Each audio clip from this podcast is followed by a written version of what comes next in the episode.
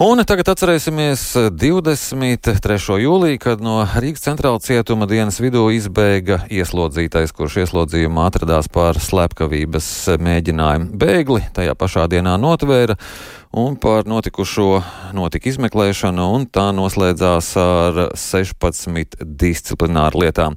Lai runātu par šīm disciplināru lietām un izmeklēšanas rezultātu, mūsu studijā ieslodzījuma vietu pārvaldes priekšmanieks Dmitrijs Kaļins. Labrīt! Labrīt! Labrīt.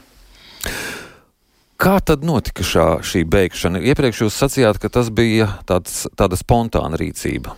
Jā, uzreiz pēc beigšanas sniedzot intervijas, mēs tā arī pirms šķietam likās, ka tā bija spontāna, respektīvi vairāk uzsverot, ka tā nebija viennozīmīgi plānota iepriekš vai organizēta bēgšana. Un pēc beigšanas, veicot tieši dienas pārbaudu un visaptverošu izvērtējumu, tas arī apstiprinājās. respektīvi, pārbaudas ietvaros mēs konstatējam dažādus apsardz un uzraudzības tieši da, darba trūkumus vai, vai, vai nepilnvērtīgu tieši dienas pienākumu izpildi, kas arī uh, kopsakarā sasumējoties arī kalpoja par palīdzību vai radīja iespēju tādu spontānai bēgšanai. Netīšām vai tīšām palīdzību? Par ko Netīš, ir šīs, netīšām. šīs, šīs ne, ne, 16 ierosinātās? Uh, Jā, nu tad dienas pārbaude tas ir tāds kopējs process par visu notikumu izvērtēšanu. Kā rezultātā mēs identificējam, mēs principā esam rekonstruējuši tās, tos notikumus pa minūtēm. Tas ir gan no darbinieku sniegtiem paskaidrojumiem, no dienas dokumentācijas ierakstiem, jo cietumā ikdienas darbs ir diezgan skrupulozi tiek dokumentēts, plus arī, protams, video novērošanas ierakstu analīze. Tad, tad saliekot visu secīgi, visu iesaistīto personu darbību, mēs uh, konstatējam, uh, konstatējam iespējamos uh, at, konstatējam amatpersonas, kuri, kuri iespējams ir pieļāvuši dienesta pārkāpumus. Tas arī tiks vērtēts atsevišķi jau individuālajās disciplināra lietās. Tad, tad, tad es saprotu, dažādu mm. apstākļu sakritība ļāva tam notikt, bet kāds apstākļus tad pamudināja uz šo spontāno rīcību? Jā, Gāja ieslodzītais kaut kādā momentā, un te pēkšņi izdomāja. Um, nu, man liekas, ka viennozīmīgi viņi pamudināja uh, viņa pašu personību, jo pētot arī dienas pārbaudas ietvaros. Uh, visus citus notikumus un arī viņa uzvedību kopumā atrodoties ieslodzījumā līdz bēgšanas uh, izdarīšanai. Viņš atradās aptuveni vienu gadu Rīgas centrālajā cietumā, bet uh, uh, tas bija saistīts tieši ar viņu personību, ar, ar eh, nevēlē, nevēlēšanos pakļauties kaut kādiem noteikumiem vai, vai eh, not, noteiktai kārtībai. Jo soda izciešanas laikā ir pieļauti no šī ieslodzītā puses uh, daudzi dis disciplinārie pārkāpumi. Viņš uh, patvaļīgi mēģinājis atstāt telpas, tad, kad ar viņu runā vai nu darbinieki, vai nu uh, citu tiesību sargājošo iestāžu pārstāvji, kas atnāk pie, ar par viņu parunāt. Nu, ļoti impulsīvs, ekspresīvs, tāpēc man liekas, ka tas bija tāds mirkļa uh, impulss, saskatot iespēju, ka varbūt darbinieki. Kādu iespēju viņš saskatīja? Uh, ka darbinieki savā starpā ir sliktāka komunikācija, ka varbūt kāds ir eh, novērsies un, un nepieskat nu, tādu momentu iespēju. Ko viņš ieraudzīja lokus vaļā? tas ne, nebija gluži lokus vaļā, bet tas eh, bēgšana notika. Eh, tajā brīdī, kad saskaņā ar dienas kārtību ieslodzītie tika vesti uz pastaigām.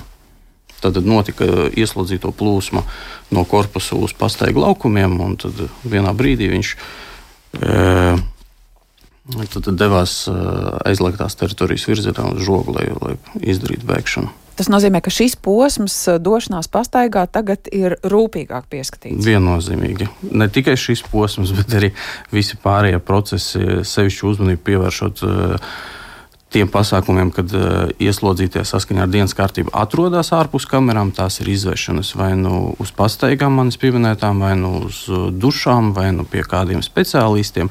Protams, tajos brīžos ir tiek pievērsta pastiprināta uzmanība.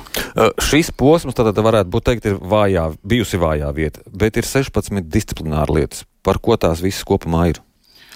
Uh, kā jau minēju, dienesta pārbauda dod mums kopējo ainu, kurš, kurā mēs varam saprast, ko katrs darbinieks darīja konkrētajā brīdī. Un disciplināra lieta tā jau ir tā individuāla katra darbinieka izvērtēšana. Tas viennozīmīgi, es gribu arī savus darbiniekus nomierināt nenozīmē uzreiz, ka ir, ka ir arī disciplinārs sots. Disciplināra pārbaude var beigties arī ar to, ka mēs konstatējam, ka jā, viņš rīkojas saskaņā ar tā brīža situāciju, ar to, kas viņam bija jādara, un tad disciplināri netiek sodīts. Ja mēs konstatējam jau ka ir, bija jādara tas, tas, tas, bet viņš to nedarīja, tad jau mēs lemjam par disciplināru sodu piemērošanu. Uh.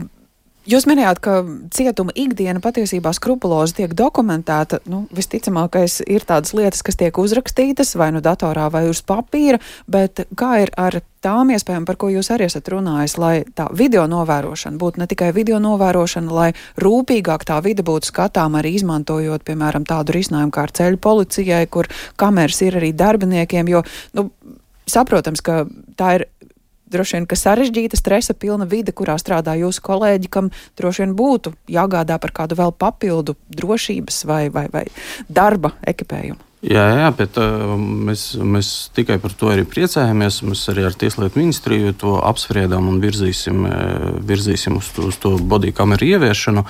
Jo tas pastiprinās uh, gan kopējo drošību darbinieku pirmām kārtām, gan arī, arī ieslodzīto. Uh, Tīri tehniski šobrīd ir jāatrisina normatīvā regulējuma problēmas tieši ar, saistītas ar personas datu apstrādi un tā tālāk. Kad mēs atrisināsim to, tad jau varēsim veikt iepirkumu un, un sākt ieviest. Mm. Vēl runājot par ieslodzījumu vietu darbiniekiem. Nu, budžeta sakarā daudzkārt pieminēts, ka drošība ir ārkārtīgi svarīgs faktors, un tur nav runa tikai par robežas apsargāšanu, runa ir arī par iekšējo drošību, kur noteikti mēs varam minēt arī ieslodzījumu vietās strādājošos. Cik uh, plašas ir jūsu kolēģu rindas, uh, cik daudz tur ir vakanču un cik nozīmīgs faktors šai sakarā ir atalgojums? Ja, es domāju, ka ļoti nozīmīgs un arī pie, pie dienesta pārbaudas izvērtējot uh, konkrētu arī bēgšanu, tas viss, viss iet kopsakarā. Uh, Mums vidēji ir ap 20% vakanti amati, un respektīvi skaidrs, ka ieslodzītie tajā arī saskata iespēju kas, kas šoreiz šovasar īstenojās par nelaimi. Jo, ja vidēji trūks 20% darbinieku, tad, tad, tad, viņi, ir, tad viņi trūkst. Un, uh, mums gan nākošā budžetā ir iekļauts papildus līdzekļi aptuveni 3,5 miljoni, kas uh, atalgojuma palielināšanai. Bet darbiniekiem tas izpaudīsies aptuveni no 8 līdz 10% pielikumu, kas pie šī brīža inflācijas rādītājiem un dzīves dārdzības manā skatījumā ir prieks, ka pieliek, bet bet uh, man liekas, vajadzētu vairāk. Nu, kādas ir tās algas, ko cilvēks saņem? Tās algas vidējās uh, apsargu uzraugu vidējas, kas jau ir ar pieredzi un, un vairākus gadus ir pastrādājis, tad tie varētu būt uh, ap 950 eiro uz rokas, bet tas ieskaitot naktas stundas, jo par naktas stundām lielāka piemaksa. Jauns, jauns tikko atnācis. Tikko atnācis darbinieks, tas būtu 830 kaut kur uz rokas.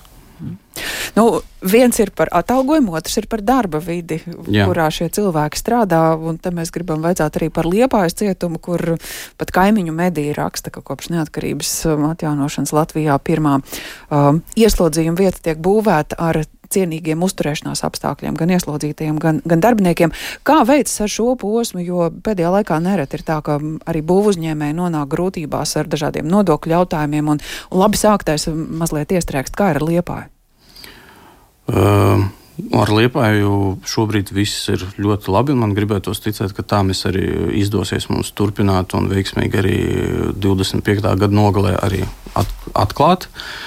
Uh, atklāt jauno cietumu, jo sadarbojamies ar būvnieku ļoti cieši. Sākot no līguma parakstīšanas, uh, intensīvi mums bija divi posmi. Pirmais bija esošā tehniskā projekta pielāgošana mūsu vajadzībām, tieši tāpēc, ka projekts bija izgatavots, ja nemaldos, ap desmit gadiem atpakaļ. Jā.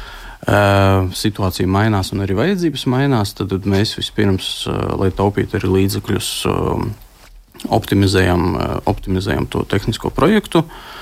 ieekonomējam aptuveni 6000 km2, samazinot uh, platības, kas nav tieši saistītas ar ieslodzīto turēšanu. Kameras palika tikpat, tas 1200 vietas, bet mēs samazinājām uh, darba, uh, nu, ražošanas korpusu kaut kādus, kur nodarbinātību varētu veikt vai, vai, vai tādas. Nu. Projekta optimizācija nerada beigšanas riskus? Nē, tieši Tieši tāpēc, ka jaunais liepais cietums viņš sākotnēji gan projektēts, gan arī būvēts kā ieslodzījuma vieta. Eh, ar veco infrastruktūru problēma ir tāda, ka mēs viņu saņemam mantojumā no padomju, no padomju savienības, un tad mēs viņu visu laiku pielāgojam savām šī brīža vajadzībām.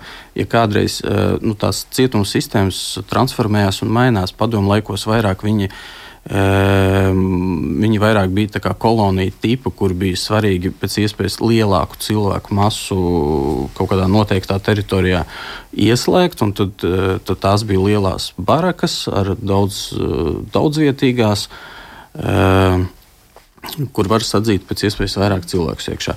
Mēs jau šobrīd e, izmantojam nu, kameru tipu. Tas nozīmē, ka mēs veco infrastruktūru esam spiesti vai nu pārbūvēt, vai nu pielāgot. Tad, protams, mēs arī nodrošinām visas nepieciešamās cilvēktiesības. Tas ir pastaigas, tas ir dušas apmeklējums. Tas arī nu, visas tās mūsu nu, tā kā, cietumu, Jā. cietās daļas visu laiku pārbūvējam un, un, un pielāgojam. Uh, 2025. gada beigās paredzēts atklāt, vai tajā tā, tā paša gada beigās arī paredzēts, ka tur izvietos pirmos ieslodzītos? Es, es tā nesteigtos, jo mēs 25. gada beigās plānojam atklāt. Tad, protams, mums jau tālākā ieslodzījuma vietu pārvaldei būs darbs apmēbļot un aprīkot, jo būvniekam tas nav uzdots. Protams, arī darbiniekiem, lai viņi efektīvi un, un, un profesionāli varētu sākt strādāt jau ar ieslodzītiem, vajadzētu patrenēties tukšās telpās. Un kas notiks ar Liepājas veco cietumu? Jūs minējāt par vēstures mantojumu. Šai ēkai ir slavens arhitekts. Jā, Mēs, mēs bijām uzrunājuši Liepājas domu, ar, lai viņi izvērtē iespēju pārņemt šo nekustamo īpašumu objektu. Liepājas doma nepiekrīta, bet Tieslietu ministrijai būs, nu, mēs risināsim. To, ko darīt ar to objektu. Jā, liels paldies jums par šo sarunu. Atgādīt, mūsu studijā bija ieslodzījuma vietu pārvaldes priekšnieks, priekšnieks Dmitrijs Kāļins.